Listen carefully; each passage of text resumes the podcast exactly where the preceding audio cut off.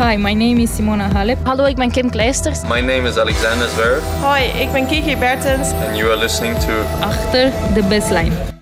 Bertens plaatst zich voor de derde ronde bij de US Open. Ja, superpunt. Wat een geweldig punt. Kiki Bertens gaat de geschiedenisboeken in. Dit is Achter de Baseline, de tennispodcast van Eurosport. Met Abe Kuil en David Avakian. Dit is aflevering 4 van Achter de Baseline. Oftewel deel 2 van de Kiki Special. Mijn naam is Abe Kuil en ik zit weer naast David Avakian.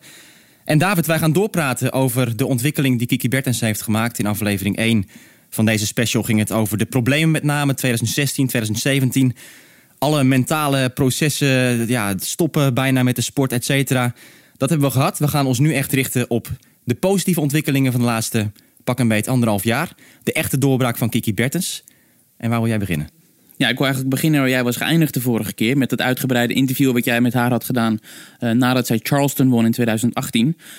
En ja, dat was eigenlijk ook gewoon uh, ja, de start uh, van, van de mooie ja, stijging in eerste instantie naar de top 10 in 2018. En zoals we hebben gezien de afgelopen tijd naar de top 5 in 2019. Ja, en na Charleston, uh, toen hadden we dat interview met Kiki inderdaad... waar ze al de onthullingen deed van ik ben bijna gestopt. Het was heel close of ze met Raymond door wilde gaan, et cetera. Um, vrij snel na die titel in Charleston natuurlijk heeft ze doorgespeeld op gravel... En haalden ze de finale in Madrid. Dat kan je zeggen, dat was geen titel, maar dat was eigenlijk misschien al wel een grotere prestatie. Want het was een van de vier grootste WTA-toernooien van het jaar. Waar ze opeens in de eindstrijd kwam. Um, dat voerde ook weer de verwachtingen op voor Roland Garros vorig jaar. Maar goed, Madrid, ja, een Premier Mandatory toernooi, David. En daar stond Kiki Bertens ineens in de eindstrijd. Ja, bizar. Nou, Charleston was een Premier toernooi. was haar grootste titel op dat moment. Uh, ja, in goede doen. Ze voelde zich goed, zoals ook uh, tegen jou zei. Ja, door naar Madrid. En ze was op dat moment al de nummer 20 van de wereld. Dat is ook wel even belangrijk, denk ik, in deze podcast... om een beetje die rankingstijging in de gaten te houden. Ja, daar haalden ze de finale door uh, Kvitova te verslaan. Of nee, daar haalden ze de finale door in de uh, Wozniacki te verslaan, Sharapova te verslaan en Garcia te verslaan. Allemaal top 10 speelsters of voormalig nummer 1 van de wereld of Grand Slam winnaressen. Ik, en, ik snap je misverstand, want ze speelden de finale tegen Kvitova en het voelde bijna als een overwinning. Want het was zo'n prachtige wedstrijd ja. uh, waar alle reacties waren van ja, het is zo jammer dat hier iemand moet verliezen. Ja, ja en dat was een van de eerste toernooien, hè? de eerste van een aantal, dat Kiki gewoon er doorheen gaat door gewoon een aantal top 10 speelsters te verslaan. Iets wat ze later dus structureel heeft kunnen herhalen. Ja, nou, dat was, dat was echt de doorbraak. En in combinatie met de winst Charleston bombardeerde dat haar wel echt tot, uh, tot een Roland Garros kandidaat om dat te winnen, althans. Ja, nee, absoluut. En uh, wat je zegt, uh, eind van het jaar zou Kiki de speelster zijn met de meeste top 10 zegers in 2018. Daarvoor werd de basis min of meer daar gelegd in Madrid. Um, ze ging daarna natuurlijk ook door naar Rome. Hetzelfde combinatie die ze dit jaar ook weer heeft gemaakt. En dat was natuurlijk een heel bijzonder toernooi. Want dat ze daar überhaupt ging spelen, daar heeft ze ook al lof voor gekregen toen. Ja, heel veel lof. Want ze was echt kapot na Madrid. Het was voor Kiki natuurlijk niet gebruikelijk om zo'n zo'n zo'n week in Madrid mee te maken. Dus om dan daarna meteen een aantal dagen later daar te staan en tot het uiterste te gaan. Um, ja, dat, dat oogste veel lof bij, bij haar tegenstander. Sakari, van wie ze op dat moment verloor vroeg. En van haar coach, Johansson. Nou, dat is iets uh, waar, waar Raymond ook heel veel over heeft gezegd... als, als een cruciaal moment in, in, in die ontwikkeling van, van Kiki. Ja, Even in vogelvlucht dan, uh, dan door de verdere resultaten van 2018. Roland Garros werd dan toch weer een kleine tegenvaller. Ze verloren in de derde ronde van uh, Angelique Kerber. Wat ik me nog goed kan herinneren van die wedstrijd... Uh, die we ook hier op Eurosport deden. Ik deed, deed toevallig het commentaar erbij. Kerber die stond heel passief te tennissen. Echt allemaal boogballen. Echt het spel van Maanballen. Kiki. Ja, het spel van Kiki proberen gewoon kapot te maken. En ze werd af en toe uitgefloten. Ja, ja, dat maak je ook gewoon nooit mee eigenlijk. Um, ja, dat was dus het gravelseizoen. Toen naar gras. En toen hield iedereen natuurlijk een beetje zijn hart vast. Want gravel, oké, daar had ze zich weer op bewezen. Maar Kiki zelf ook natuurlijk. Na gravel was het van, oké, ja, dit was leuk. Vanaf nu heb ik eigenlijk nul verwachtingen. Ja, exact. Ja, en ze was op nummer 20 op dat moment. Dan gaat ze dus naar Wimbledon via Rosmalen en Eastbourne, meen ik. Ja, en we weten allemaal hoe Kiki in het verleden op gras heeft gereageerd. Als je de naam al noemde, dan was het meteen hand voor de ogen. En uh, oh, oh, oh, laat het alsjeblieft zo snel mogelijk voorbij zijn. Maar wat er dus op Wimbledon gebeurde, dat is wat mij betreft in deze hele ja, opkomst van Kiki misschien wel het meest onderschatten. En het, een van de belangrijkste punten, dat ze daar de kwartfinale haalde op Wimbledon uit het niets. Echt uit het niets, inderdaad. En ook de, per ronde dat Kiki zichzelf ook verbaasde. En iedereen ook eigenlijk reageerde van... Uh, oké, okay, maar Kiki kan dus nu ook op ja. gras tennissen of ja. zo? Ja, het was bizar. Ze begon natuurlijk lekker met... Ze moest de eerste ronde tegen de nummer 700 of zoiets. Maar ja, daarna kwam ze op een gegeven moment tegen, tegen Venus Williams, vijfvoudig kampioen op, op Wimbledon. Een van de beste grasspeelsters alle tijden. En die pakte ze daar op court one was dat geloof ik. En Pliskova daarna, voormalig nummer één. Nou ja, gekte, het was ongeloof dat Kiki dat kon. En daaruit bleek wel ook uh, dat werk wat ze verricht heeft, die arbeid en die, die soepelheid. Yoga had ze ook gedaan natuurlijk uh, daarvoor. Dus al die dingen kwamen echt tot uiting op Wimbledon. Ja, en ze had ook kans op uh, nog meer. Want ze verloor van Julia Gurkens ja. uiteindelijk. Die trouwens echt een wereldpartij daar speelde. Um, het nadeel was, ik moest commentaar doen bij die wedstrijd. Ja, ik was vorig jaar uh, de, de unlucky charm voor Kiki met, uh, met de Grand Slam toernooi. Ik heb, ik heb al haar nederlagen toevallig ja. moeten becommentariëren. Maar, um, ja, maar goed, dat gaf dus aan inderdaad dat ze dus... Oké, okay, vanaf dat moment niet meer als gravel-specialiste echt te boek stond. En de keuze die ze daarna ook maakte was natuurlijk opvallend. Ja, voor Kiki Bertens, de gravel-specialiste, degene die, die, die alles doet voor gravel koos er gewoon voor om niet terug te gaan uh, naar een graveltoernooi, naar Wimbledon. Wat voor haar altijd het patroon was. Als Wimbledon voorbij is, vaak vroeg, ging ze nog door naar Staat bijvoorbeeld. Uh, een toernooi op gravel. Nou, daar heeft ze toen bewust voor gekozen van nee, ik ga nu mijn rust pakken.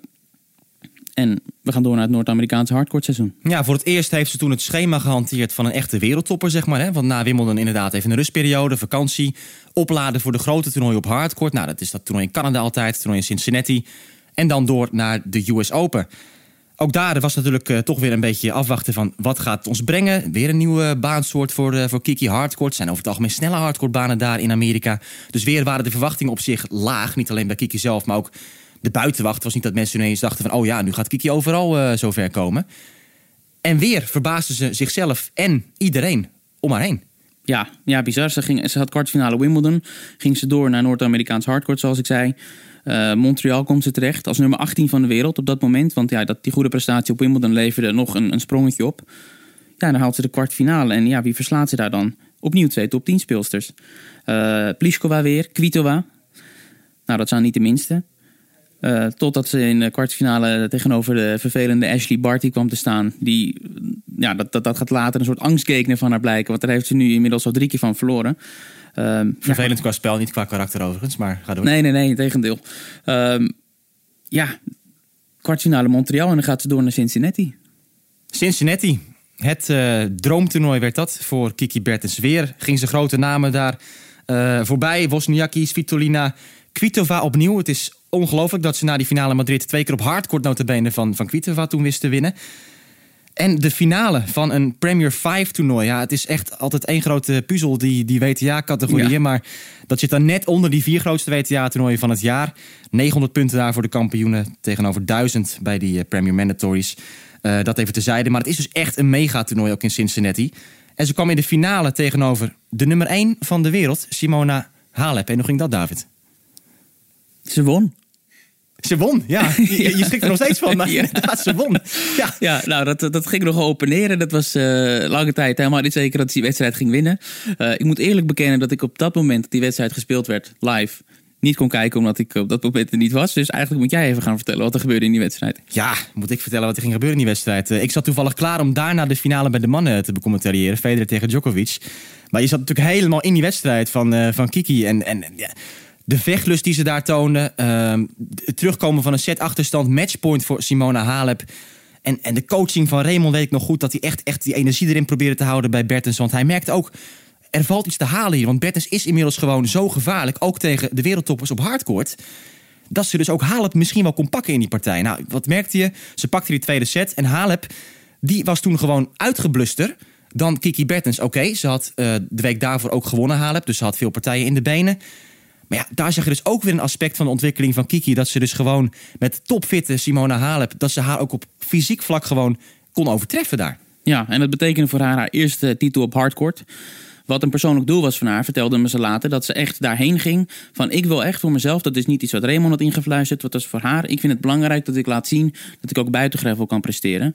Nou, dat deed ze daar uh, met verven. En overigens, naast die top 10 speelsters had ze ook nog twee andere tussendoortjes. En dat waren Coco van der Wegen en uh, Annette Kontaveit. Dus alle wedstrijden waren echt, was echt geduchte tegenstand. Um, Jij ging toen uh, naar de US Open, David. Ja. En hoe was dat? Hoe was de hele sfeer toen rondom Kiki? Wat waren de verwachtingen daar toen in New York? Want ze had dus een van die grote aanlooptoernooien gewonnen. Beetje respectloos gezegd, Cincinnati. Dus ze stond echt nu op het vizier van iedereen. Van alle volgers van de tennissport wereldwijd. Ja, absoluut. En ze was ook nummer 13 van de wereld op het moment dat ze in New York aankwam. Ehm, ja, nou goed, ze staat sinds eigenlijk Madrid, kunnen we wel zeggen, echt op de radar bij iedereen, voortdurend. En zeker ook Cincinnati was bevestiging van, van dat ze ook uh, tot het uiterste kan gaan op hardcourt. Nou ja, dat opent nieuwe wegen, want ja, we weten allemaal, uh, de meeste toernooien worden, worden op hardcourt gespeeld.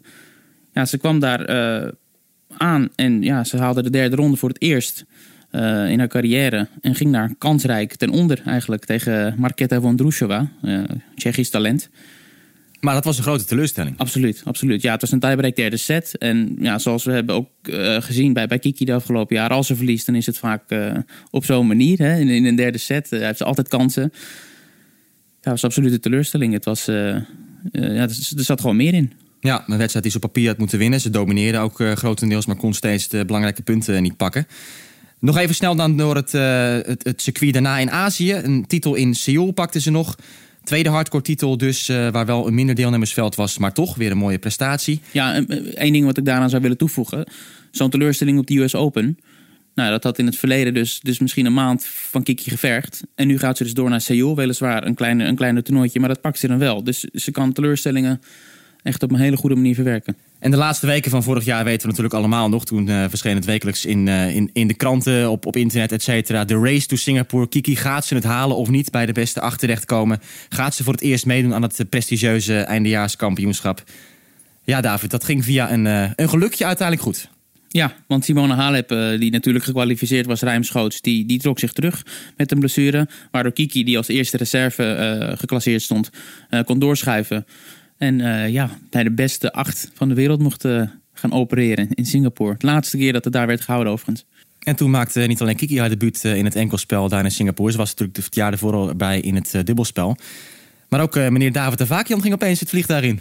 ja, ja, dat was ik, nog later dan dat Kiki gekwalificeerd was, was ik gekwalificeerd. Ja, ja, ja precies. Uh, ja, dus dat moest allemaal heel snel geregeld worden. Maar ja, dat was een onvergetelijke ervaring om, om na zo'n jaar uh, van Kiki ook zeg maar die, die finale, die apotheose daar, daar mee te maken. Um, ja, waanzinnig. Kiki die, liet zich daar echt van haar beste kant zien. Ik, ik weet toevallig, uh, ik, heb gehoord van WTA-medewerkers daar... Dat, dat alle wedstrijden van Kiki in de poolfase uh, de best bekeken waren. En ook uh, de website van de WTA, alles stond in vuur en vlam. Kiki Courts, iedereen die was heel geïnteresseerd in, in haar... omdat ze natuurlijk een nieuw gezicht was. En op een hele andere manier speelt toch. Heel compleet, heel gevarieerd. anders dan anders.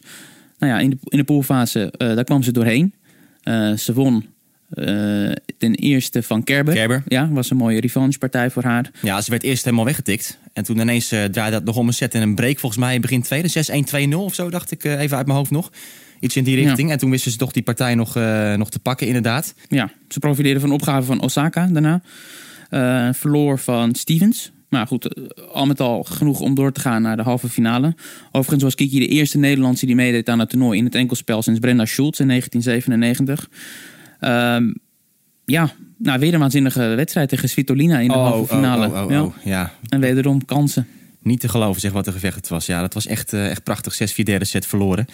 Um, maar het leukste was eigenlijk voor jou natuurlijk. Jij was erheen gegaan uh, om Kiki te volgen. En het hele team was daar aanwezig. Raymond Sluiter, Remco de Rijken. Inmiddels uh, de aanstaande man van, van Kiki Bertens natuurlijk. En jij hebt dan een heel groot interview gemaakt voor, uh, voor Tennis Magazine. Dat hebben we trouwens de vorige keer niet echt gezegd. Onze interviewfragmenten toen die kwamen allemaal ook uit de interviews voor, uh, voor Tennis Magazine.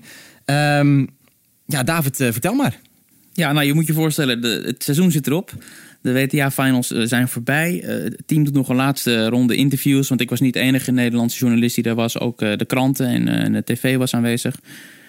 Ja, en voordat zij dus op het vliegtuig stapt, opnieuw naar Bali. Waar ze dus eerder al die belangrijke beslissingen heeft genomen, zoals we in de eerste aflevering hebben besproken. Ja, daar zitten we dan in, in, de Players Lounge. Ik, ik zat er als een soort, uh, ja, een soort rechtbank. Ik zat daar in mijn eentje en tegenover mij uh, Kiki, uh, Remco Drijken en, en Raymond. En ik, ja, dat was hartstikke leuk om dat te doen, om ze met de drieën tegelijk te interviewen. Want ze reageren ook op elkaar en dat maakt het allemaal veel dynamischer. Um, nou, we hebben geprobeerd daar met z'n drieën of met z'n vieren eigenlijk ja, door te nemen hoe ze is gekomen tot het punt dat zij 2018 als de nummer 9 van de wereld afsloot. Um, ja, en, en Raymond die, die begon meteen met, uh, met een, een, soort eigen terugblik. Er zat natuurlijk een hele grote versnelling ineens bij, uh, in 2016 bij Nürnberg en, en toen Parijs. Dat ging van Volgens mij stond je voor Nürnberg stond je 88 Ja, of zo, dacht ik, zoiets, 86. En Toen na Roland Garros, drie weken later, stond je 23 of zo, Ja. 22. Dus daar is het toen eigenlijk heel hard gegaan. Nou ja, daarna is er best wel een, eh, een spicy eh, anderhalf jaar geweest, om, het, eh, om het zo maar te zeggen. Waarbij er ook heel veel dingen echt wel goed gegaan zijn.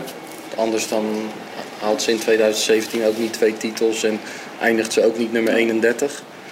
Eh, alleen zijn er along the way ook wel echt periodes veel dingen misgegaan. En als je dat dan vergelijkt met dit jaar, is het vooral qua, qua werk, is het, is het eh, ja, daar, daar kom ik superlatieve tekort om, eh, eh, om te benoemen voor, Ja.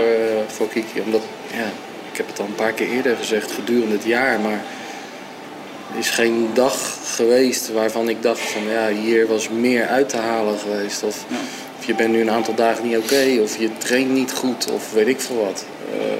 Ja, dat is, ja, dat is, dat is eh, fantastisch werken geweest.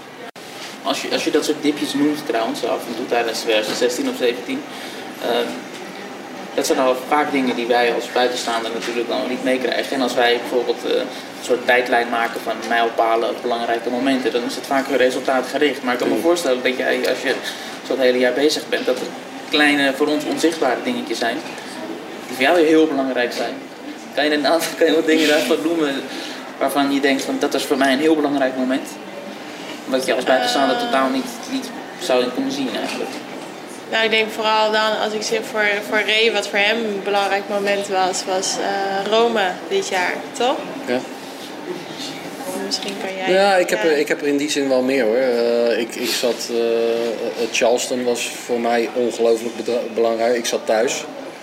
Weet je, en, en de keren tot dan toe dat ik niet mee was gegaan, dat waren er twee of drie, waren niet echt een heel groot succes te noemen. Waarvan ik er eentje ook nog wel kan noemen, want nou ja, zij waren samen in, eh, in Dubai. Daar verloor ze dus 3-0 eerste ronde van Pyong Wang, die uiteindelijk dit jaar ook wel aardig lijkt te kunnen tennissen. En dat op dat moment ook al kon. Alleen, ja, weet je, het was een bizar onrustige wedstrijd. Alleen, ze probeerden wel waanzinnig aanvallend te tennissen. Eh, en misten daarin echt waanzinnig veel. Alleen het begint met dingen wel proberen.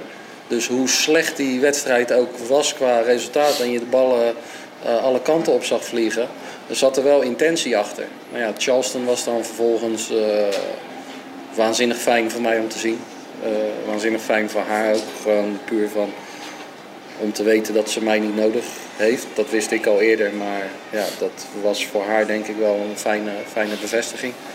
Eh, en Rome, ja, waar Kiki het over heeft, is iets wat ik gedurende het jaar aanhaal om maar het proces te blijven bewaken en hoe belangrijk dat is.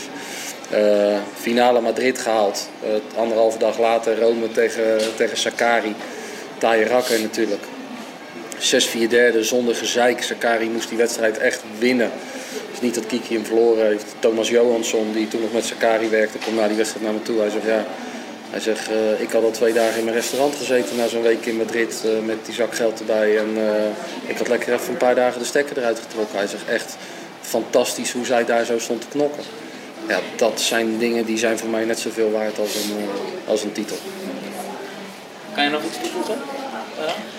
Nou, ik denk voor mij gewoon dat, dat het eigenlijk heel het jaar dat ik, dat ik eh, door ben blijven gaan. Dat ik me eigenlijk heel het jaar wel redelijk hetzelfde heb gevoeld. Tuurlijk, de laatste weken waren wel een stuk zwaarder en dan ga je het fysiek ook meer merken. Plus er kwamen natuurlijk heel veel meer doelen bij. Maar dat ik niet eh, er al halverwege het jaar al helemaal doorheen zat. En dat was eigenlijk de jaren daarvoor was dat echt eh, was dat wel het geval. Dus eigenlijk heb ik me gedurende het jaar eigenlijk eh, vrij constant en hetzelfde gevoeld. En, ja, Dat dat is de 0-1. Je hebt, hem ook, je hebt hem ook wel ergens genoemd. Waar je echt de beslissing zelf gemaakt hebt. En waar ik eigenlijk echt iets anders wilde. Ja, na, na Wimbledon. Ik was er echt even klaar mee en was moe en wilde echt even vakantie af. En uh, Redi had ik aan de telefoon en uh, die pushte me eigenlijk toch om naar Gesta te gaan. En daar heb ik toch echt zelf de keuze gemaakt van nee, ik ga niet, ik pak hier mijn rust. En uh, dan maar over acht maanden weer op gravel staan. Maar ja, ik wil nu even niks. Nee, Ja. gravel Ja. zeggen. Ja, dat was heel raar. En uiteindelijk, natuurlijk op dat moment twijfel je heel erg. Doe ik hier goed aan, ja of nee? Uh, achteraf denk je, ja, het heeft allemaal mooi uitgepakt. Maar ja, dat weet je natuurlijk niet van tevoren. Maar uh, ja, uh, voelt heel raar. Voelde dat voor mezelf om inderdaad die keuze te maken. En daar had ik het wel echt heel erg moeilijk mee. Omdat ik zo duidelijk voelde dat uh, Ray het wel een heel goed idee vond om weer te gaan. Alleen ik was er echt even klaar mee. Ja, dat laatste wil ik even op inhaken. Want ik weet nog heel goed toen Kiki vorig jaar op Wimbledon stond inderdaad. Die kwartfinale speelde. Toen ging het ook al een beetje over toen ze was uitgeschakeld. En wat nu?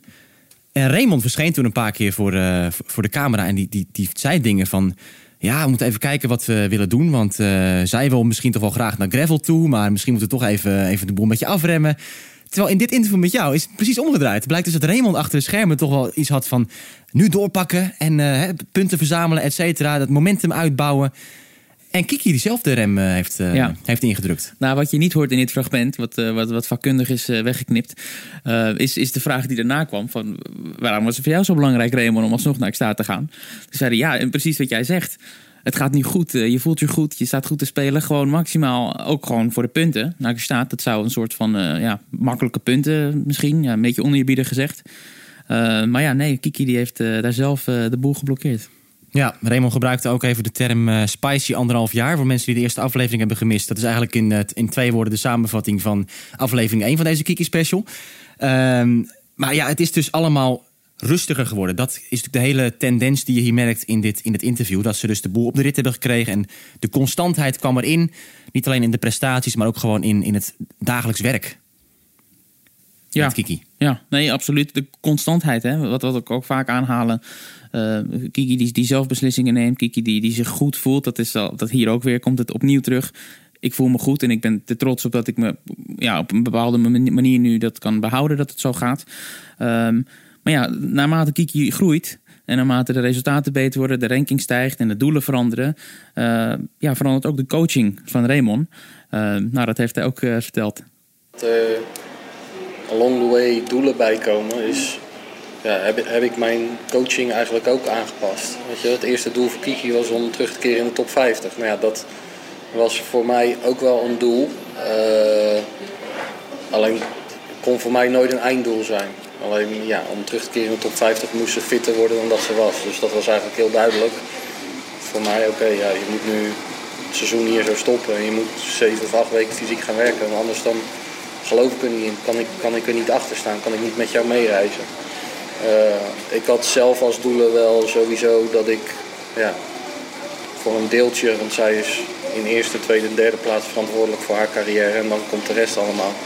Uh, maar een klein stukje mede verantwoordelijk wilde zijn voor een hoogste ranking halen. Nou ja, dat was 41 nog destijds, wat ze al gehaald. Plus een uh, klapper op een Grand Slam. Nou ja, die, de doelen konden halverwege 2016 eigenlijk die zaten in de zak. En dan, dan komt er nieuw. En natuurlijk tussendoor gaat ontwikkeling van tennis. Daarin is dubbelspel ook belangrijk geworden. Nou, dubbelspel natuurlijk ook echt mooie resultaten gehaald. Wel in de finale hier zo vorig jaar. Alleen zo ga je het steeds meer aanpassen. En, waar, en, en, en ik kan wel hele mooie doelen hebben. Alleen het, het, gaat erom wat, wat Kiki voelt en wat zij wil. En wat zij gaat voelen van, hé, hey, hier is meer mogelijk. En op het moment dat zij denkt dat er meer mogelijk is, dan kan ik mee. En dan kan ik naar aanleiding daarvan kan ik het gaan invullen. En dat is eigenlijk min of meer hoe het, uh, hoe het gegaan is. En dat is ja, 2016, 2017 behoorlijk up en down gegaan. En dat is 2018 eigenlijk alleen maar zo gegaan. Ja, oké, top 10, maar hoe, hoe gaan we dat doen? Hoe gaan we dat doen ten opzichte van vorig jaar?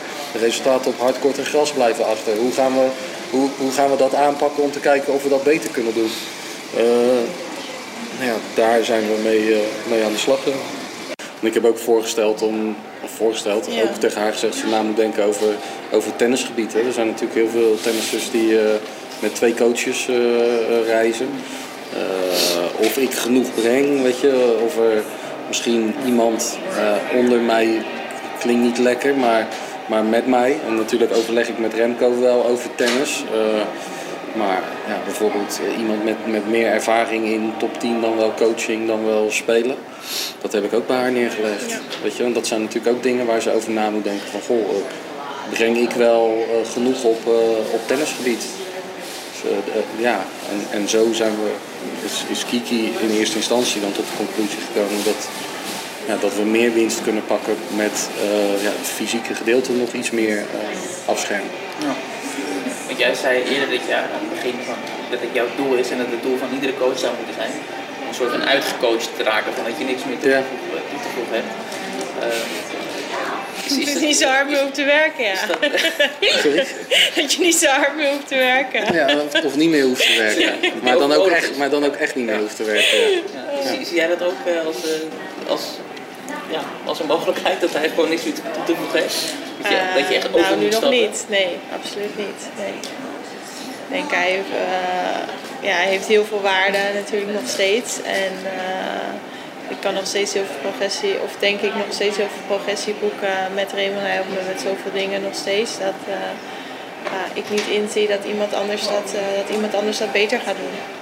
Ja, Bertens uh, wil nog niet van Raymond Sluiter af. Dat is wel duidelijk. Dat merk je natuurlijk ook dit hele jaar weer als je die onkort coaching steeds ziet. De klik die ze hebben, de toegevoegde waarde van Raymond om de boer op de rit te krijgen vaak. Het ging hier ook natuurlijk over het feit dat het team moest worden uitgebreid, David. Daar is ook iets in gebeurd. Elise Tamaela is erbij gekomen. Ja, ja dat onthulde ze op dat moment inderdaad. Dat ze inderdaad hebben gezeten uh, van ja, hoe gaan we nu verder? We, hebben, we staan nummer 9 van de wereld, staat Kiki. Uh, ja, je ziet dan heel vaak dat er toch een teamuitbreiding of, of iets komt. En dan hebben ze dus besloten om, om, om niet echt op het tennisgebied te gaan zitten. Want dat zit wel goed met Raymond. Maar dat er toch meer te halen is, zoals ze zei, uit, uh, uit fysiek. En uit uh, ja, de, de, de, ja, de fysieke voorbereiding op wedstrijden. Fysio en dergelijke. Nou ja, met, met Elise Tamelen hebben ze, hebben ze iemand in huis gehaald... die daar natuurlijk heel veel verstand van heeft. En ook op tennisgebied uh, een en ander kan toevoegen. Dus het is echt een, een stevig team geworden nu. Ja, en wat mij opvalt is dat Raymond hier dus echt over tennisdoelen aan het praten is. Hè? Van hoe kunnen we je beter maken op hardcourt? Hoe kunnen we daar meer uithalen? Hoe kunnen we zo progressie boeken? Als we terugdenken aan het eerste deel van deze special... Kiki die toen alleen maar praatte over... mijn doelen zijn mezelf goed voelen op de baan. Ik wil mezelf zo blijven voelen zoals ik nu voel. Hè? Mentaal alles, alles nummer één. En als dat goed zit, dan zien we de rest wel. En hier zijn we dus zover inmiddels... dat er over tennistechnische doelen gesproken kan worden... en af en toe ook over rankingdoelen volgens mij. Zeker, zeker. Ja, want er zijn ook momenten geweest. Uh, kijk, we kunnen niet alles laten horen. Um, ja, dat ze toch echt aan die top 10 moesten gaan denken. Want ja, je, je ziet natuurlijk ook dat je dichterbij komt. En ik weet niet meer precies, maar volgens mij was het het geval dat ze, dus toen ze naar Montreal en Cincinnati gingen en in het vliegtuig zaten. Uh, ja, voor het eerst hardop werd gezegd uh, dat de top 10 misschien wel een optie is. Ja, Raymond die had het erover. Ja. ja, de, ja. Die, die zei het tegen Kiki en Kiki was er nog verbaasd van... oh, oh wat, ja, uh, wat gaan we nou ineens krijgen? Ja, die lachte het nog weg op dat moment. Maar ja, ja. goed, je moet natuurlijk de, de, de waarheid onder ogen zien. En na Cincinnati sprak ik met een WTA-medewerker. En, en die heeft dus toen, dat, toen zij de titel daar won tegen Kiki... Het, ja, de, het woord Singapore laten vallen voor het eerst. Nou, Kiki natuurlijk ook weer lachen van... hou op, dit is het voor grap, Singapore nou ja, alles is, is uiteindelijk uitgekomen. En, en wat je zegt, dat er ook veel meer over tennis en minder alleen maar over dat mentale gesproken wordt. Um, blijkt natuurlijk ook uit de manier waarop ze speelt. En ze heeft een, een, een aanvallendere speelstijl aangenomen. Um, nou goed, daar kan ze ook wel op lachen. Hoe bevalt het aanvallende tennis uh, trouwens? Ja, soms goed. Als het goed gaat, goed. Ja, het goed gaat, best goed. Ja, ja. nee, ja. het slecht gaat, best slecht. Ja, ja, ja. Ja, nee, ja. Ik... ja die mag je inderdaad wel... Uh, ja. ja. Nee, daardoor ben ik natuurlijk wel gewoon, heb ik betere resultaten behaald en ben ik daardoor gegroeid als, als speelster. En daardoor sta ik ook nu waar ik nu sta. Daar, daar ben ik wel van overtuigd. Alleen soms is het nog lastig om inderdaad die meerfouten die daarbij ook bij komen kijken, om dat, uh, om dat te accepteren. Ja. Ja, hier nog iets uh, over zeggen. nou ja, goed, het, het, het spreekt gewoon uh, over, over, over ja, de ontspannenheid die er uh, sindsdien... en zeker aan het einde van het jaar natuurlijk leeft in dat team. Ja. Mentale rust kan je op veel manieren bereiken, David. Dat heeft te maken met allereerst voor jezelf de boel op orde krijgen. Dat je inderdaad niet meer overal stress uithaalt als je op de baan staat. Daar kunnen andere mensen belangrijk in zijn. Nou, Raymond Sluiter is daar belangrijk in voor Kiki Bertens. Maar er is iemand die nog niet is genoemd, natuurlijk. En die zat daar ook bij, bij het gesprek. Zeker, ja. Die hebben we tot nu toe alleen horen hoesten overigens. Oké, okay, ja. Op de achtergrond. Dat was Remco de Rijken. Um, ja, ook fysiotherapeut binnen het team. En ook sparringpartner. Een beetje alles doet hij. Maar ja, tegelijkertijd ook verloofde. Uh, op dat moment nog niet. Weet ik even niet zeker meer. Maar volgens mij was hij op dat moment slechts het vriendje. Ja, misschien op vakantie daarna en toen, uh, toen was het uh, ja. naar buiten gekomen. Ja, ja. Ja, ja. Uh, ja, hij is ontzettend belangrijk. En we weten van Kiki dat ze, dat ze altijd een soort heimwee altijd naar huis heeft gehouden en, en, en, en haar familie mist. Uh, en, en door met Remco de Rijke een gedeelte van het jaar eh, hem mee te laten reizen, heeft, heeft ze toch een stukje van thuis bij zich. En dat heeft, ja, die, die rol is niet, is, is niet te onderschatten, want, want zijn aanwezigheid is echt heel erg belangrijk. Zij hebben maandenlang gedate zonder dat ik er maar iets van wist. Uh, dat hebben ze me uiteindelijk na Roland Garros 2016 hebben ze me dat uh, durven vertellen. Uh, nou, daar is Remco toen in de staat mee geweest, maar eigenlijk echt nog als vriendje, gewoon gezellig, prettig. alleen ja, ik had wel al heel snel door dat, nou ja, dat het allerbelangrijkste dat, nou ja, dat ze het samen fijn hadden en dat Kiki het heel erg fijn had met, met Remco erbij. En dat hij voor een bepaalde rust zorgde. Uh, en natuurlijk zijn, zijn achtergrond als, als fysiotherapeut, zijn achtergrond als hele goede tennisser zelf. gewerkt met Timo de Bakker ook nog, wat in die periode ook, ook echt goed ging. Nou, dat heeft ons er toe doen besluiten om in 2017 samen te gaan zitten. Of eigenlijk 2016, einde van het jaar. En te kijken van, goh, is er niet een combinatie mogelijk waarin Remco een aantal weken meereist, het fysieke gedeelte voor zijn rekening neemt. Uh, bijkomend voordeel dat Kiki iemand van, van, van thuis heeft, wat het reizen misschien iets minder uh, moeilijk maakt. En vandaar dat we dat eigenlijk uh, zo begonnen zijn. De rest moet er even van hebben. Ja. Ik wilde precies hetzelfde zeggen. Ja. Dat is echt toevallig. Ja. ja. Maar wat, wat mij opvalt heel erg is, sinds jij vaker mee bent, is uh, natuurlijk, we hebben al gezien dat je steeds rustiger wordt en volgens mij ook meer ervan geniet dan uh, voorheen. Maar zijn aanwezigheid daarbij is volgens mij cruciaal. Mm -hmm. Zeker. Is dat, uh, ja. is dat zo? Kun je, kun je dat ja, nee, het is natuurlijk heel fijn als je naast de baan ook beter kan ontspannen. En ja, als je vriend bij je is, is het natuurlijk altijd fijn dat je niet elke dag alleen zit op je hotelkamer en mensen van thuis alleen maar moet missen.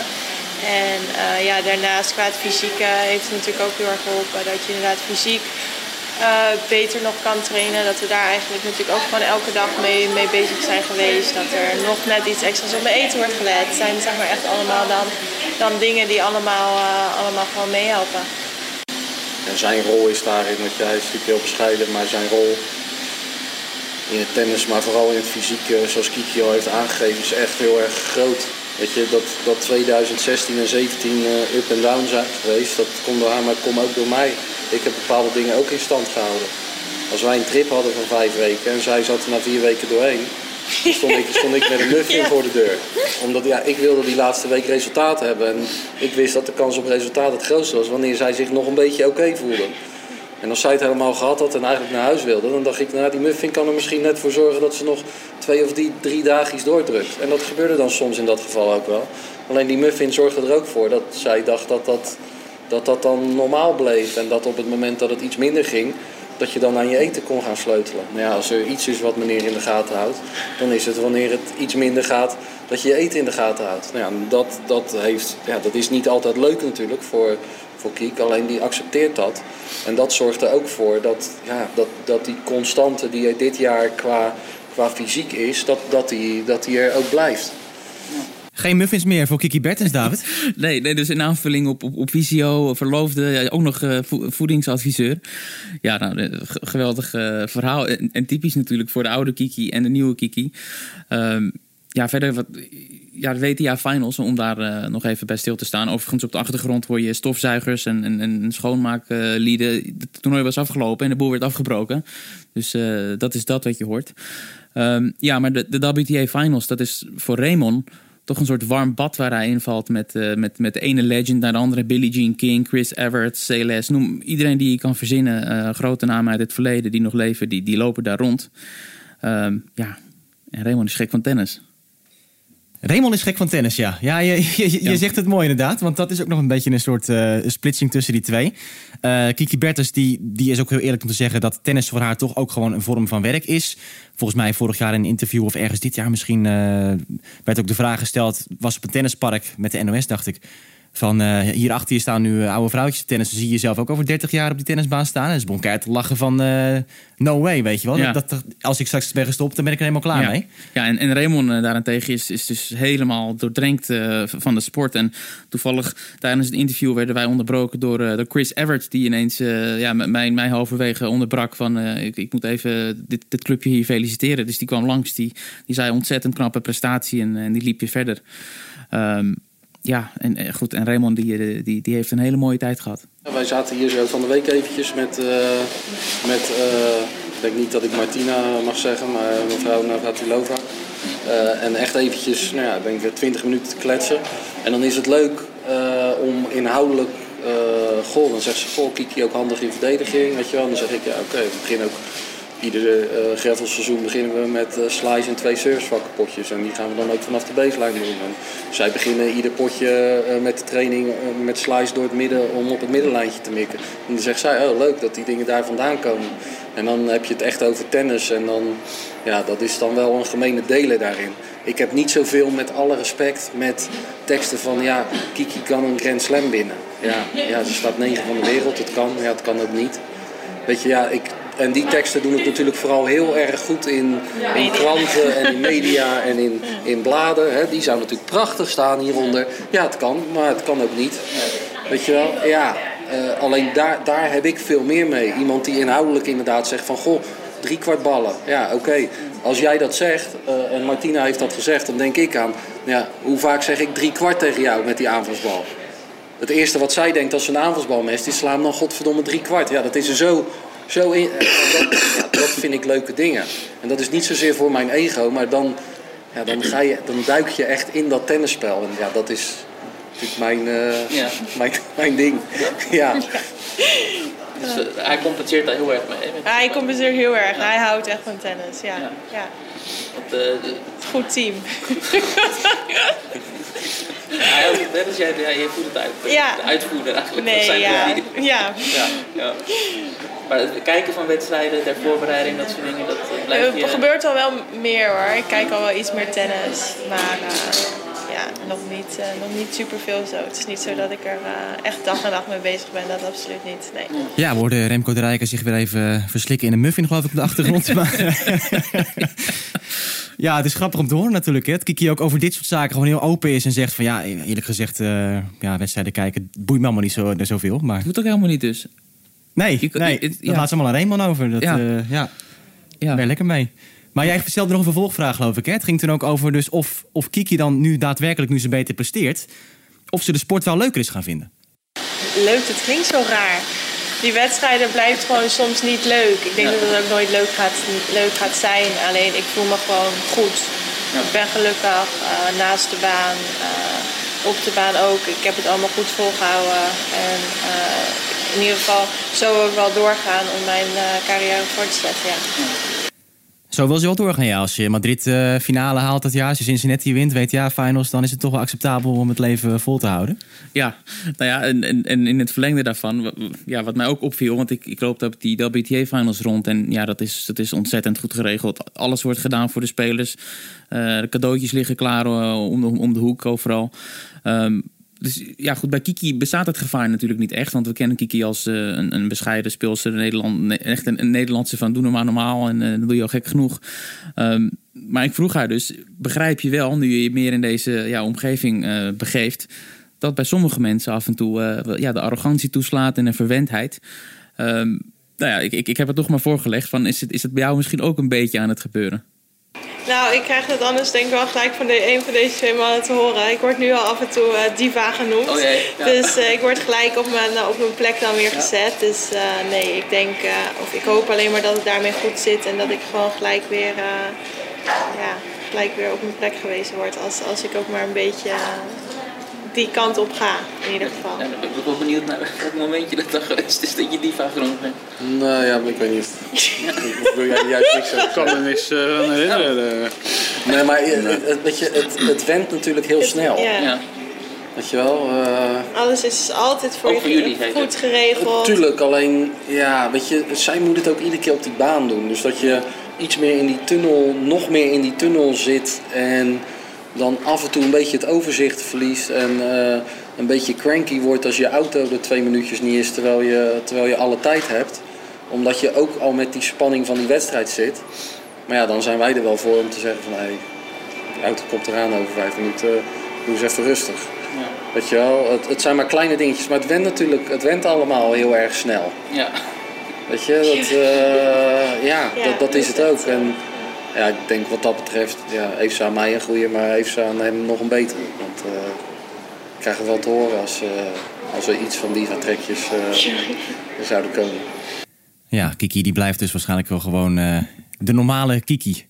Gewoon Kiki. Gewoon Kiki, ja, inderdaad. Bekende, bekende docu. Ehm, ja, dat was jouw avontuur in Singapore, David. Met, eh, met Kiki Bertens daar en het hele Ja. team. Onvergetelijk. Onvergetelijk. Ja. ook omdat ik gewoon na elke wedstrijd van haar de gelegenheid had om met haar te spreken. Ehm, dus ja, ik heb, ik, ik heb het volledig eh, vanaf de eerste rij mee mogen maken. En toen ging het door. Met andere verwachtingen begon Kiki Bertens aan 2019. Voor de eerste keer in haar carrière hoopte ze op de Australian Open impact te maken. Het Australische circuit, waar ze toch vaak in het verleden ook ja, in een soort, eh, met een soort deceptie het tennisjaar begon. Had ze zich aardig voorbereid, maar vielen de resultaten tegen. En liep ze vaak ook een beetje achter de feiten aan eh, daarna. We hebben het ook in die eerste aflevering erover gehad. Dat ze dan bijvoorbeeld weer een tijdje weinig werk verrichten. En dan ja, liep het dus allemaal niet. Hoe was het dit jaar? Nou ja, het, het was aanzienlijk beter. Ook al begon ze het jaar in Brisbane met, met een nederlaag in, in de eerste ronde tegen eh, Donna Vekic. Hartstikke goede speelster. Veel kansen, eind Matchpoints gehad. Matchpoints gehad. Ehm, maar precies wat je zegt, in het verleden had, had, had zo'n nederlaag eh, ja, weer een hoop dagen gekost. Nou, nu helemaal niet. Eh, de mindset is nu gewoon zo dat oké, accepteren en verder gaan. Eh, en, ze- en ze belanden vanzelf in Sydney, wat een ontzettend sterk toernooi is. Waar, ik geloof Raymond, die, die vertelde mij dat, dat de laagste speelster die daar rechtstreeks toegelaten werd, was de nummer 28 van de wereld. Nou, daar haalt ze gewoon netjes de halve finale. Bijna winst. Verloor toen van Ashley Barty inderdaad in de halve finale. Weer die Ashley Barty. Weer die Ashley Barty. En toen door naar de Australian Open. En toen zei Kiki iets waarvan we allemaal dachten... Zei ze dat nou echt? Ja, ja, ze zei: Ik ben hier om de titel te winnen. En jij was erbij. Ik was, ik was erbij. Eh, iedereen die, die keek elkaar aan en vroeg inderdaad om, eh, om herhaling. Van hebben we dat goed gehoord? Ja, dat, dat is zo. Want ze, ze, ze zei: Ik ben een top 10 speelster nu. En als top 10 speelster ho- hoort het erbij dat je. Eh, dat, je, dat je op zulke toernooien voor, voor het maximale gaat. En dat was inderdaad vreemd eh, om te horen uit de mond van Kiki. Want Kiki altijd natuurlijk terughoudend is. En, en, en zeker over haar eigen kansen nooit al te, al te groot spreekt. Ehm, maar ja, dat is ook, ook weer een teken van, eh, van een grote verandering bij haar. Maar ja, het is natuurlijk stap 1 om het te zeggen. Stap 2 is het om het echt te geloven. Had jij de indruk dat ze dat, ze dat ook echt zei met, met de intentie van... volledig die overtuiging dat ze dat had? Dat ze dat echt kon winnen, dat toernooi? Ja, goed, ik, ik, ik kan dat niet eh, met, met zekerheid zeggen natuurlijk. Maar ik, ik, ik begrijp wel ehm, dat, dat ze een bewuste keuze heeft gemaakt... Om, om in die rol van top 10 speelster echt te kruipen. Van dat hoort erbij. En op die manier, door dat te zeggen, ja, went ze er denk ik ook aan. Dat ze niet elke keer van oh, oh, oh, eh, Grand Slam en, en favorieten... Op, op die manier wen je toch een beetje ook aan, aan de buitendruk. Precies. Nou ja, het viel natuurlijk tegen het resultaat. Ze had eigenlijk gewoon heel veel pech, want ze speelde in de tweede ronde tegen Anastasia Pavlyuchenkova. Die speelde echt een, eh, een wereldpartij. De openingsset raakte dus geen pepernoot, de Russin. Maar vanaf dat moment uh, miste ze ook helemaal niks meer. Nee. Dus dat was gewoon een partij waarin Kiki op kwaliteit werd uh, verslagen. Dat werd ook geaccepteerd. Raymond Sluiter die zei het ook uh, van ja, dit is gewoon even too good. Ja. En we moeten weer ja. door. Um, toen natuurlijk de toernooien in Indian Wells, Miami. Toen heb je ook weer een mooie, mooie trip gemaakt. Bertrand gaat even ietsje snel nu op dit moment. Want oh. we hadden daarvoor nog het waanzinnige uh, succes van Kiki in Sint-Petersburg. Inderdaad, ik wil even kijken wie scherp was. Ja, ja, ja, ja. ja daar was in het indoor hardcore toernooi van Sint-Petersburg inderdaad. Ja, het, is een premier toernooi, ook prestigieus, uh, prachtig evenement uh, qua show. ja, en daar speelden ze tegen een, een, een reeks ja, speelsters die toch uh, excelleren op die ondergrond. Indoor, snel. Uh, opnieuw, Pavlyuchenkova, waar ze van, van won. Revanche meteen. Uh, en ook Sabalenka werd daar gegrepen. En wat mij vooral is bijgebleven van die week... is hoe, hoe ontzettend fit Kiki oogde... En, en, hoe goed ze verdedigde op die snelle ondergrond. En dat ze op die manier eigenlijk haar tegenstanders ja, tot, tot, ja, tot gekte dreef. Ja, en dat was dus inderdaad een eerste indoor hardcore titel. Ook weer zo'n premier toernooi. Dus ja, ze vinkte alles zo'n beetje af in een korte tijd. Ze moet nog een grastoernooi een keer, keer winnen. Ja. Ehm, maar dat was inderdaad gelijk een hoogtepunt de week na de Australian Open. Hè, niet te vergeten. Dat, dat toernooi is echt Ja. bizar. De omschakeling van de zomer in Melbourne naar de winter in Sint-Petersburg. Het is alsof er een soort eh, Ja. horror eh, scenario daarvoor is gecreëerd. eh. Ja, ja. Hè? Dat En, is toch vrij bizar? En goed, een, een jaar geleden was ze ook doodziek daar. Ze was daar Ja. en ze moest opgeven. Ik geloof Ja, dat ze- hebben veel speelsters daar. Ja. Dat is ongekend. Ja, dus om, om na zo'n jaar daar, daar zo toe te slaan is, eh, is, is bijzonder knap geweest. Ja. Toen werd ze wel ziek na het toernooi, want ze ging naar, eh, naar Doha. Dat eh, ja, kwartfinale gehaald. Ehm, Dubai erachteraan ook gespeeld. Dat zijn die twee grote toernooien in het Midden-Oosten. Maar natuurlijk alles na de Australian Open. Ik maakte de brug inderdaad iets te, iets te snel. Ehm, is weer een opmars naar de volgende piek in het tennisseizoen in New Wells, Miami. En voor jou een volgende mooie trip. Ja, Indian Wells was, eh, was, was geweldig. was voor mij ook de eerste keer inderdaad. En, ja, dat wordt altijd eh, tennis paradise genoemd en dergelijke. Nou hebben we het al eerder over gehad in eerdere podcasts. Ja, en, en Kiki die, die ging daar eigenlijk eh, als, als top 10, top 10 speelster ook gewoon heen om, eh, om, om een groot succes te boeken. Nou, ze, heeft geen, eh, geen ja, droomresultaat behaald, maar ze heeft wel gewoon haar beste resultaat ooit daar gepakt. Zowel in Indian Wells als in Miami. Twee keer een vierde ronde. Op Indian Wells ging ze uiteindelijk onderuit tegen Garbiñe Muguruza. Nou, geen schande, want zij speelde goed op dat moment. En we weten allemaal hoe goed Muguruza kan zijn als, als ze in goede doen is. En in Miami, ja, Rara wie er daar weer eh, in de Ja, weg stond. Iemand uit Australië, Ashley Barty, die zou het toernooi ook winnen trouwens daar. Ehm, wat mij is bijgebleven is twee keer vierde ronde. Twee keer laatste 16 dus halen inderdaad bij zo'n eh, zo'n toptoernooi. En toch merk je dan dat de reacties anders zijn. Eh, hè, de media, vierde ronde, hm, had misschien beter gekund. Viel toch een beetje tegen of zo. Ik heb het er later met Raymond ook over gehad. En die zei ook van ja, als we vorig jaar, 2018, twee keer vierde ronde hadden gehaald in die als Miami, dan hadden we de Polonaise gelopen met z'n allen. En, en dus, Ja. dus zo snel gaat het ook alweer. Ehm, terwijl het in principe gewoon, gewoon prima was. Want als je toen na Miami ook een, een, eh, de ranking erbij pakte, de seizoensranking. Nou, Kiki had Sint-Petersburg gewonnen. Derde ronde Australian Open, vierde ronde in als Miami. Kwartfinale Doha. Ze stond gewoon in de top 10 van de eerste drie maanden. Dus dan, dan doe je het gewoon fantastisch. Op dus de moeilijkste ondergrond bijna.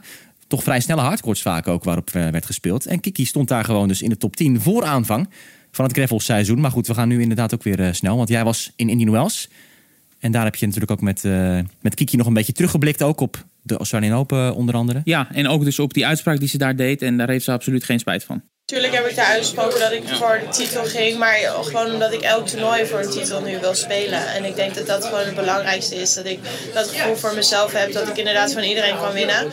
Uh, al weet ik ook nog steeds dat ik van iedereen kan verliezen. Dus uh, dat besef is er zeker. En uh, ja, dat je dan in de tweede ronde verliest van een goed spelende Pavlyuchenkova, ja, dat hoort er gewoon bij. En natuurlijk hoop je dat je verder komt. Maar ik denk dat Roland Garros gewoon precies hetzelfde zal zijn. Zodat ik ook dit toernooi weer speel om te winnen. Zo heb ik eigenlijk elk elk jaar dat toernooi, of uh, uh, dit jaar elk toernooi eigenlijk gespeeld. En ja, ik denk niet dat dat uh, anders zal zijn. Gewoon weer goed voorbereiden en ja, meer kan je niet doen.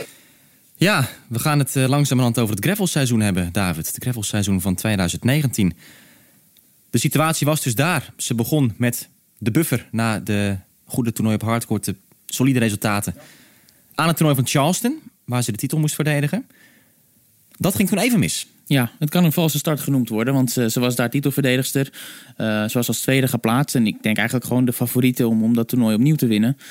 Uh, ja, nou daar, daar ging ze in, de, in haar tweede wedstrijd, daar ging ze, of in de derde wedstrijd, ging ze onderuit tegen een speelster die ze steeds vaker nu tegenkomt, ook uh, Maria Sakkari. ja, wat betekende die nederlaag? Pa paniek in, in, in huizen Bertens. al, die, al die maanden dat ze geen gravel heeft gespeeld, is dat dan toch ja, een, slecht idee geweest. Van, waarom verliest ze nu vroeg? Um, maar ja, goed, we hebben vrij snel daarna gezien dat dat niet het geval was. Maar het was inderdaad op dat groene gravel in Charleston uh, wel even schrikken. Ja, maar ze ging door naar Stuttgart. Altijd een bizar sterk toernooi bij de vrouwen. Het is een beetje het beginpunt van het Europese gravelseizoen op de WTA-tour. Nooit eerder een wedstrijd gewonnen daar en nu haalden ze de halve finale. Ze won van Bencic met een persoonlijk aces-record. 20 aces in die partij geslagen. Ze versloeg Angelique Kerber, die dat toernooi een paar keer had gewonnen in het verleden. En ze verloor in drie sets van Petra Kvitova. Dus dat was een, uh, ja, toch een, soort prachtige binnenkomer op het Europese gravel. Toen kwam de week in Madrid. Toen was natuurlijk de druk daar van 650 punten verdedigen, die finale plek. Oh, oh, oh, want er werd uh, de, de, eerste maanden van het jaar ook steeds omhoog gekeken op de ranking van Kiki kan alleen maar stijgen nog zo'n beetje. De top 5 werd van gedroomd. Maar nu kwamen die punten in Madrid en moesten dus oppassen dat ze niet een beetje wegzakten. Nee, nou, En toen? goed, Ja, en toen eh, sloeg het helemaal de andere kant op.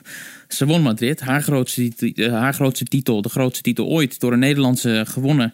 Eh, ze werd de, de, de, de In het proftijdperk. In het proftijdperk. Ja, Kea Bouwman moet je steeds weer aanhalen, nou terecht. Ehm, ja, en ja, ze werd nummer vier van de wereld. Ook de hoogste notering voor een Nederlandse speelster ooit. En ja, dat deed ze weer op, op bijzonder indrukwekkende wijze. Siniakova, Ostapenko, Sevastova eh, en toen Kvitova, Stevens en Halep. Zonder één keer een, tot een tiebreak gedwongen te zijn. Dus alles binnen twee sets en alles binnen ja, uiterlijk 7-5. Eerste speelster die het toernooi won zonder setverlies. Maar wat mij vooral opviel, wat ik het leukste vond qua cijfers... is ze won van de Roland Garros kampioene van vorig jaar, Simona Halep. Ze won van de Roland Garros finaliste van vorig jaar, Sloane Stevens. En ze won van de Roland Garros kampioene van twee jaar geleden, Jelena Ostapenko. Ja, dat is natuurlijk een, een, een ongekend scenario. Ja, zeker. En, en nu we het toch over die Roland Garros en gravel prestaties hebben. De WTA houdt al enige tijd een, een, een zogenoemde eh clay court power index eh, bij. Waarin ze de resultaten van alle speelsters op gravel bijhouden van de afgelopen jaren. En Kiki staat daar gewoon stevast in de, in de top 2 samen met Simone Halep. Dus ja, op, op gravel is, is Kiki toch echt eh, een koningin. Ja, en we nemen deze podcast op net na het WTA-toernooi in Rome... waar Bertens bijna weer een grote primeur heeft beleefd. Ze haalde de halve finale. was een beetje een gekke week voor Bertens... want ze speelde twee partijen op één dag. Die won ze allebei. Nou, ze had een bye, ze kreeg nog een walkover van Naomi Osaka. Dus door, door op één dag twee partijen te winnen... stond ze opeens bij de laatste vier. Toen was het twee punten van de finale tegen Johanna Conta. Dat ging helaas toch mis. Ja, de batterijen waren daar leeg. Het was, was, je kon het een beetje zien aankomen dat ze het in die derde set niet meer vol zou houden. Maar ze was daar dus gewoon bijna nummer twee van de wereld geworden. Als ze het toernooi had gewonnen, had ze die tweede positie overgenomen. Eh, een finale plek was eventueel ook al genoeg geweest als Pliskova de titel niet won. Die deed dat wel. Daardoor is Bertens ook geen nummer drie nu. Eh, jammer genoeg. Maar gaat ze dus als nummer vier naar Parijs. Maar ik denk dat dat op zich misschien wel beter is voor haar. Dat ze als nummer vier daar naartoe gaat dan als nummer twee van de wereld. Denk je niet? Je bedoelt voor, eh, voor, de, voor de extra druk ook Ja. die erbij komt. Ja, nou, enerzijds als je nummer 4 bent en, en het, het, het palmares, het gravel palm- palmares van Kiki hebt, dan, dan weet ik niet of, of er tussen 2 en 4 heel veel, heel veel verschil zit. Want ze gaat er gewoon heen als, als echt een van de grootste titelkandidaten. Ja, maar ik denk als Kiki zichzelf onder in het schema is staan met een tweetje achter haar naam, dat misschien toch net even een fractie, eh, fractie te veel is. Ik weet niet of Kiki naar het schema kijkt. Er zijn natuurlijk heel veel speelsters die, die dat niet doen. En, en Kiki lijkt me op zich wel een type die, eh, die dat ook allemaal maar aan, aan, aan Raymond laat. Ja. Ehm, maar ja, Goed, er zijn genoeg journalisten die dat eh, in elke persconferentie zeven keer zullen laten vallen. Dus Ja, ja. eh, nee, ja, maar goed, Kiki gaat er dus heen als, als nummer vier. Eh, ze is gravel-specialiste, winnares Madrid, et cetera. Dus, dus aan dat label van titelkandidaten, daar, daar kan ze gewoon niet onderuit. Ehm, maar ze deint er ook niet meer voor terug. Eigenlijk. Ook Raymond die, die geeft steeds aan van ja, daar hebben we gewoon mee te dealen. En, en ja, dat kan je maar gewoon beter doen. Eh, want dat, ja, dat is toch maar een storende factor als je daar steeds tegenaan hikt. Ja, en het leuke is ook dat jij zelf eh, een beetje hebt gepeld bij grote namen uit de sport. Martina Navratilova en Lindsay Davenport onder andere. Vorig jaar al, tijdens Roland Garros destijds, over wat Kiki nou zo goed maakt op gravel. Kiki Bertens as a clay court player, what makes her so good on Well, she's good on everything. I mean, she grew up on it, so she knows how to move. That's uh, that's a big part of, of playing on clay is the ability to move and slide and time the slide. And she's got that down. She's improved her fitness, so she's moving better. She's always had the big game, but now she's tamed it. She is, uh, I think she's playing smarter tennis, playing uh, playing the points better, going for her shots when she should rather than when she wants to. um, and uh, and also her just the three quarter pace balls, you know, the rally shots. She's not missing so much. She's cleaned up her game nicely, and uh, I think now she's starting to believe that she can compete against the big girls, and that's that's half the battle. I got to see her really up and close and personal in Charleston, and I was so impressed. I really I had never seen her play s- so close, like live. And even when you do TV, you're kind of sitting far away. Um, but she was awesome. First of all, I love a player that competes their heart out and then is so nice off the court. I, I think Yeah, that that's yeah. totally possible. Kim Kleister's, Roger Federer. There's a list of great champions, and she was one of them. She was so pleasant um, all the time when I see her and a big smile. So first, I really like her her energy, her personality, um, but her game wise, she's got a huge forehand. Um, she knows how to play clay court tennis, and a lot of players on the WTA don't understand kind of the nuances and Mhm. what it takes to be good at clay. She's exceptional at it. Um, tough draw here she had playing Kerber. Um, but I think that as she, I, I think she should challenge for this tournament. If she believes that, I think that that's going to be the biggest challenge is Ja. getting her to believe she can do it here. De grootste uitdaging volgens Lindsay Davenport, vorig jaar toen zij dit zei, was dat Kiki Bertens het zelf moet gaan geloven. Dus dat ze Roland Garros kan winnen. Ja, en Kiki werd daar eh, tussen, tussen neus en lippen door ook nog even in een rijtje gezet met Kim Kleisters en, en Roger Federer als speelster die eh, op de baan eh, ja, vecht als een leeuw, maar daarbuiten de vriendelijkste is. Dat is ook iets wat we misschien wel iets meer kunnen, kunnen aangeven nog, dat Kiki ontzettend geliefd is, zowel bij het publiek, maar ook bij haar tegen, tegenstanders. Ja. De volgende vraag is dus inderdaad: gelooft Kiki dat ze een Grand Slam kan winnen? Ehm, ze hebben in het verleden ook al een beetje gesprek gehad, Raymond en Kiki, van het feit de aandacht. Dat is natuurlijk een puntje geweest altijd. Kiki Bertens die in het verleden de uitspraak deed: Goh, ze was op Roland Garros als tiener. Ze zag het grote stadion. Als ik hier maar nooit hoef te spelen. Ja. Destijds. Eerste keer op Wimbledon kan me goed herinneren. Centercourt tegen Petra Kvitova. Ze ging volledig aan de drukte eronder. Ze wilde echt in een hoekje kruipen. Werd in volgens mij 42 minuten of iets dergelijks helemaal weggeblazen door Kvitova. Daarin is natuurlijk veel veranderd. Maar Kiki Bertens zegt nog steeds... Oké, groot stadion, ik vind het niet zo erg meer. Maar zet mij maar op basis. Ja, nee, absoluut. En, en, ook eh, als, als ze weer zo'n mega prestatie heeft neergezet als in Madrid eh, of, of, of eh, Singapore bijvoorbeeld. En als je dan aan haar vraagt van ja, hoe hoop je dat er thuis gereageerd wordt? En dan zegt ze eigenlijk zoiets als ik hoop dat niemand het gezien heeft. Ja, ja precies. Ja. Nou, en daarom wil ik even teruggaan naar vorig jaar. Het interview dat we in deel 1 van deze podcast hebben laten horen. Grote fragmenten eruit. Toen ik met Kiki zat na die titel in Charleston. Vroeg ik dus Kiki onder andere dit. Wat, wat denk je dat er zou gebeuren als jij een Grand Slam wint? Is, Ja. is dat... Ja. Ik, eh, ik hoop niet zoveel. Ik hoop Ja. dat het niks verandert. Nee. Maar ik bedoel, zou dat dan echt een soort heel ander gevoel aan je carrière geven of zo? Of, of voor jezelf van toch een soort droom die in vervulling dan, dan gaat? Tuurlijk, als je een Grand Slam wint, is dat natuurlijk een droom. En, en daar doe je het voor. Maar als ik dan ook kijk wat voor aandacht daar... Vorig jaar stelde Raymond die vraagt mij van, zou je dat echt willen? En in eerste instantie, natuurlijk wil ik dat, weet je. Maar je weet ook wat er allemaal bij komt qua aandacht. En, als, en dan, als, alleen als ik daar naar kijk, denk ik van, ja, laat maar, weet je. Dat hoeft voor mij, hoeft voor mij niet. Maar ja, tuurlijk wil je het, ja. Ja. ja. Daar werk je toch voor, maar het is gewoon meer gewoon de manier waarop. Als het gewoon inderdaad door keihard te werken is en allemaal op een leuke manier en dat ik me gewoon goed voel, Mhm. tuurlijk wil ik dat dan winnen. Ja. Ja. Maar of dat dan ja, Maar het is voor- verder het is voor iets jou- verandert aan mijn carrière, denk ik. Nee, als, als jij stopt zonder Grand Slam carrière, dan, dan maakt het denk ik minder groot verschil uit dan bij andere spelers die echt puur op resultaat gericht eh Ja, zijn denken. en, ja, op dit moment wel. Ja, ja. Ja, op dit moment wel, zegt ze. Ehm, dus dat laat ook zien dat, dat Kiki ook misschien wel de ruimte openlaat voor, eh, voor, voor een veranderende gedachte. En ja, als we kijken naar, naar dit jaar, zoals we hebben gezegd. Ja, ze hoort, ze hoort echt tot de titelkandidaat. En als, ze- en als ze alles gewoon binnenboord weet te houden, de druk eh, kan, kan, kan afweren en alles bij elkaar genomen haar niveau haalt, dan, ja, dan gaan we haar toch hopelijk zien aan de eindfase. Ja, we kunnen natuurlijk nog niet heel gedetailleerd vooruitblikken op de kansen van Kiki. Want daarvoor wachten we de loting van aanstaande donderdag af. Wij zullen aan het eind van de week dan ook nog een eh, aflevering opnemen. Ter voorbeschouwing echt aan de hand van de speelschema's. Wat zijn de kansen van, eh, van alle spelers precies. Maar als je dat nu een beetje moet zeggen, David. Als je nu kijkt, is er iemand die er bovenuit springt in het vrouwentennis? Is het echt een topfavoriete? Wie zijn de kanshebbers verder? En waar komt Kiki dan in het lijstje voor jou?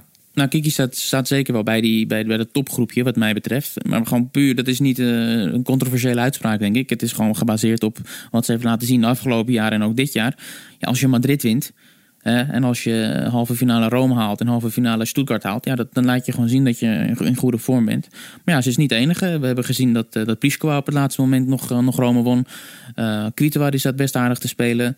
Eh, Serena Williams is altijd een, vraagteken. Als, als, als zij eh, weer, weer, weer ja, wedstrijden aan elkaar weet te rijgen, ja, dan, dan, dan zijn het natuurlijk altijd topfavorieten. Maar ja, het is al een, tijdje geleden dat, dat zij echt eh, iets heeft kunnen doen. En fysiek worstelt Serena natuurlijk ook.